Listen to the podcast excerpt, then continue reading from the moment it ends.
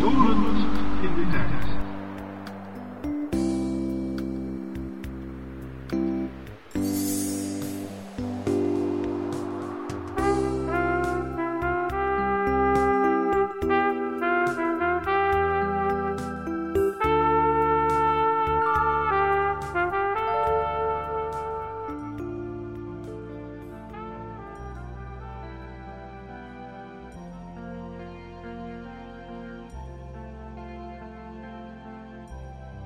Als fanatieke fan van dit programma Dolend in de tijd weet u dat het is opgebouwd uit satire, ernst, humor en niet in de laatste plaats nostalgie.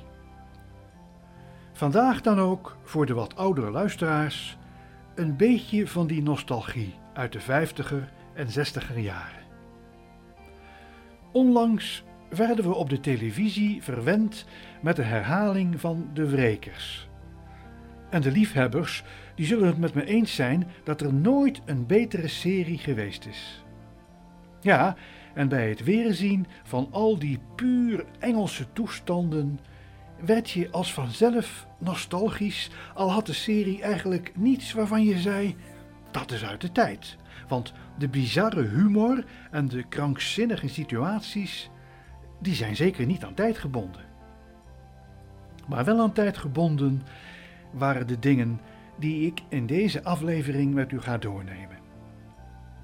Als u bijvoorbeeld toen in Middelburg naar het station liep, zag je al van verre een grote op de gevel geschilderde klok die half elf wees en iedereen wist wat dat betekende. Het was blokerstijd. En blokers was een merk van cacao dat in het pand op de hoek van de Stationsstraat werd verkocht.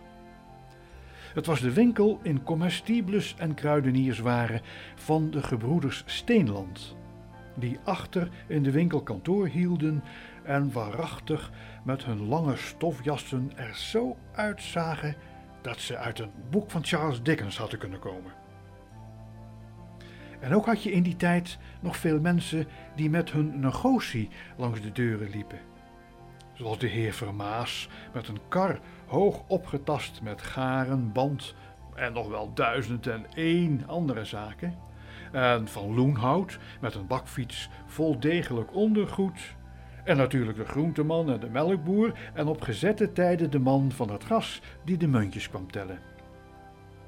Maar het was ook de tijd dat je als beginnend muzikant nog niet over die weelde aan accommodatie en geluidsinstallaties kon beschikken, zoals tegenwoordig het geval is.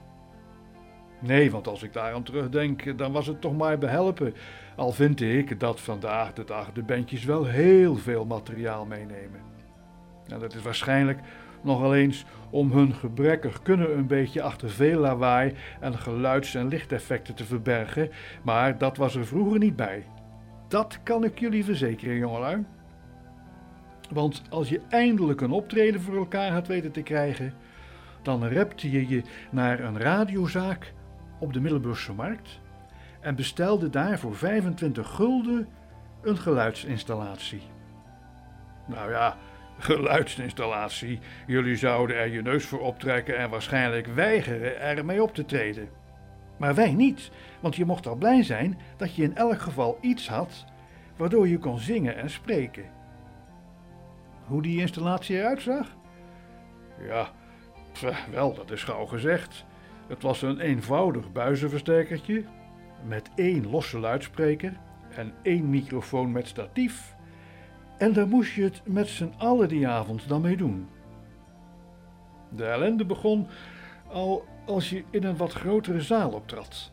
Want daar moest je het ding wat harder zetten, maar omdat het aantal watts zeer gering was, resulteerde dat meestal in een enorm gefluit, zodat iedereen haastig zijn oren dichtdrukte en de leider van de band met een hoogrode kleur de knop snel weer terugdraaide naar een veiliger niveau. Wat ook vandaag de dag echt niet meer zou kunnen, was de zaalaccommodatie. Ik noem hier de bovenzaal van uh, Sociëteit de Vergenoeging op de Middelburgse Markt. Ontelbare keren heb ik daar met allerlei formaties en voor allerlei instanties gespeeld. Bij gebrek aan een koelkast waren de flesjes bier en fris in een enorme tijl met water gelegd. Wat uiteraard geen enkel effect had. En uh, dan had je nog de gemeenteverordening van Middelburg, want die wilde dat er bij elke gelegenheid een dansleraar aanwezig was die de orde diende te houden. Er waren erbij die in smoking met een enorme tas vlaggetjes, ballonnen en een fluitje binnenkwamen om zodoende de spontane sfeer met polonaises en ander simpel vermaak een beetje te verpesten. Maar er waren er gelukkig ook die je een handje consumptiebonnen kon geven en die hoorde je dan de hele avond niet meer. Dan had je ook nog zaal Mercurius, met een balkon dat op instorten stond en waar meestal veilingen werden gehouden. En niet te vergeten de bekendste van al, de Gouden Poorten. Als je daar een schoolavond had, moest je gebruik maken van een slaapkamer die naast het podium gelegen was en die voor die avond dienst deed als kleedkamer. Het valt te begrijpen dat de persoon wiens bed er stond het eh, minder plezierig vond, want die was genoodzaakt om op te blijven tot iedereen naar huis was gegaan. Ach ja, en dan al die oude obers die in die zalen rondliepen. Ik denk bijvoorbeeld aan het Schuttershof. Nee, die arme lieden hebben niet genoten in die tijd, want het was zo langzamerhand ook de opkomst van de rock and roll. En dat veroorzaakte bij het bedienen alleen maar ongemak en onrust. En daar waren ze niet aan gewend. En trouwens ook niet van gediend, en dat lieten ze heel goed merken en konden nog eens chagrijnig uit de hoek komen. Ja, en dat werd nog geaccepteerd, want terugschelden deed je toen niet, want er was gelukkig nog wel ontzag. Het was trouwens ook nog de tijd dat de zogenaamde gegoede burgerij net deed of ze van klassieke muziek hield. En de dames en heren absoluut niet durfden toe te geven dat ze eigenlijk op heel andere deunen gesteld waren. Maar ja, dat kon je tegenover de overige notabelen natuurlijk niet laten blijken. Dus zaten zij met een ernstig gezicht, alsof ze een begrafenis bijwoonden, in de concert- en gehoorzaal en vonden er eigenlijk geen bliksem aan, maar hadden niet in de gaten dat het ook voor de personen naast hen opging. Een komisch misverstand was dat. Het was eveneens de tijd van de zondagse geuren.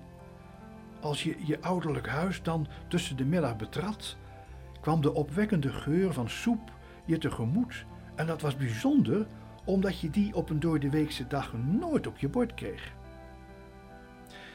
Waar ik nog vaak aan terugdenk, zijn de zaterdagmiddagen begin jaren 50. Om tien voor half twee, als je net aan je dessert van yoghurt begon, dat was toen iets nieuws, kondigde de omroeper op de radio aan jazz in oude stijl door de Dutch Swing College Band. Onvergetelijk was dat.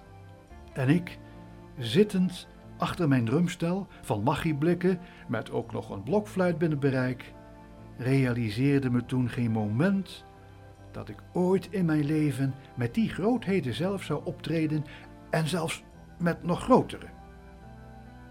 Dat is nu allemaal veel makkelijker geworden en niets bijzonders meer. Want iedereen speelt muziek en meestal nog goed ook. En van echte coryfeeën waar je toen zo tegenop keek, is al lang geen sprake meer. Maar goed, ik kan daar in elk geval met een prima gevoel aan terugdenken. Het was een tijd van eenvoudig, maar oprecht vermaak. En we waren met weinig gelukkig en wat meer is, tevreden. Want genieten deed je toen nog wel. En die ongekend kostbare ervaring kan niemand ons meer afnemen.